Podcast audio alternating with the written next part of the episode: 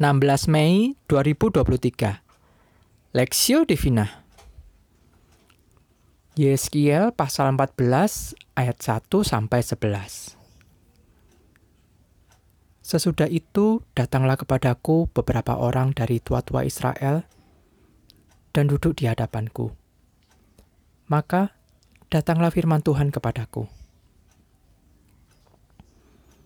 Hai anak manusia, Orang-orang ini menjunjung berhala-berhala mereka dalam hatinya dan menempatkan di hadapan mereka batu sandungan yang menjatuhkan mereka ke dalam kesalahan.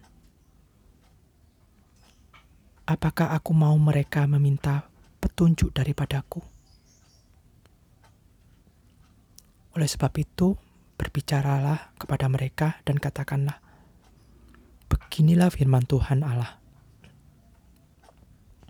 setiap orang dari kaum Israel yang menjunjung berhala-berhalanya dalam hatinya dan menempatkan di hadapannya batu sandungan yang menjatuhkannya ke dalam kesalahan. Lalu datang menemui nabi nabi.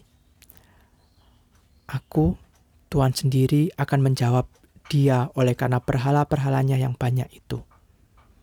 Supaya aku memikat hati kaum Israel yang seluruhnya sudah menyimpang daripadaku dengan mengikuti segala berhala-berhala mereka.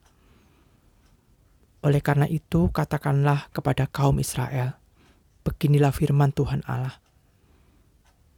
Bertobatlah dan berpalinglah dari berhala-berhalamu dan palingkanlah mukamu dari segala perbuatan-perbuatanmu yang keji.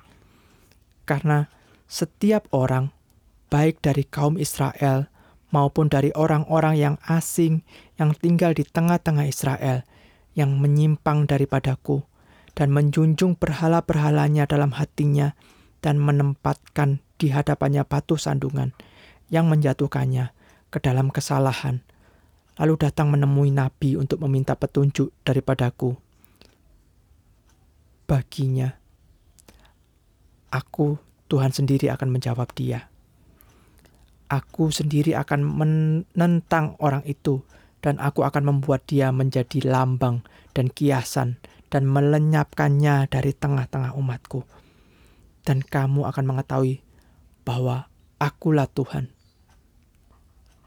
Jikalau nabi itu membiarkan dirinya tergoda dengan mengatakan suatu ucapan, "Aku Tuhan yang menggoda nabi itu," maka aku akan mengacungkan tanganku melawan dia dan memunahkannya dari tengah-tengah umatku Israel.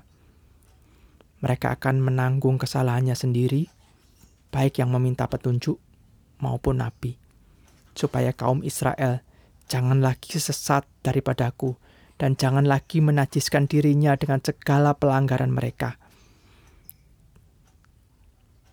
Dengan demikian, mereka akan menjadi umatku, dan aku akan menjadi Allah mereka Demikianlah firman Tuhan Allah.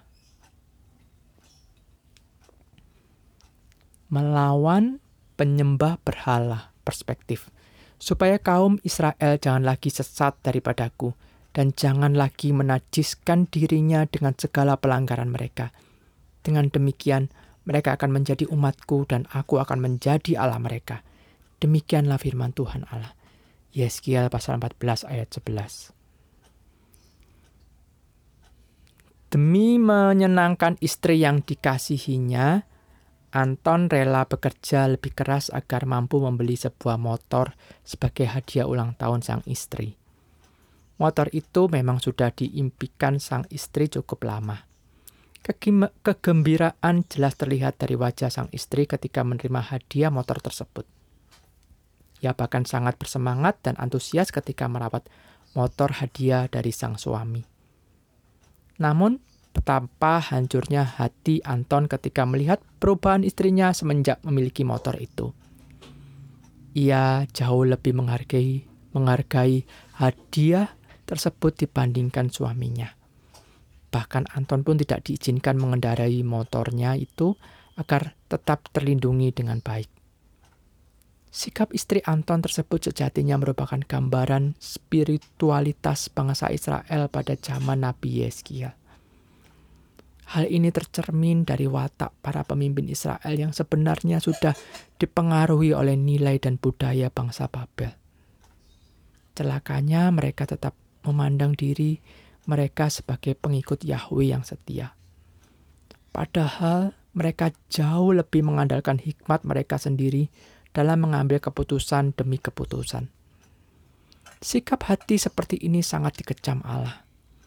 Kecaman ini diiringi dengan panggilan pertobatan untuk melepaskan segala berhala yang selama ini mereka pegang. Tidak hanya itu saja, Allah juga menyatakan janjinya bahwa ia akan memurnikan setiap umatnya dari segala dosa penyembahan berhala tersebut.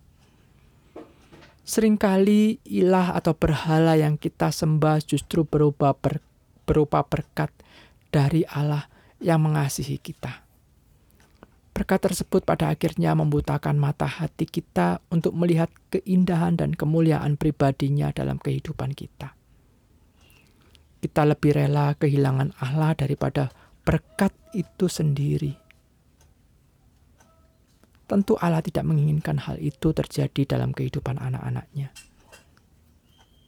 Ia, ia menghendaki setiap kita menjadikan dia satu-satunya Tuhan dalam kehidupan kita. Satu-satunya pribadi yang harus ditaati dalam setiap aspek kehidupan kita. Maukah kita belajar untuk mengasihi dan mentuhankan dia dan bukan berkatnya dalam kehidupan kita? Studi pribadi, apakah yang selama ini telah menjadi berhala dan telah menggeser posisi Kristus sebagai yang terutama dalam hidup kita? Godaan apa yang harus kita waspadai?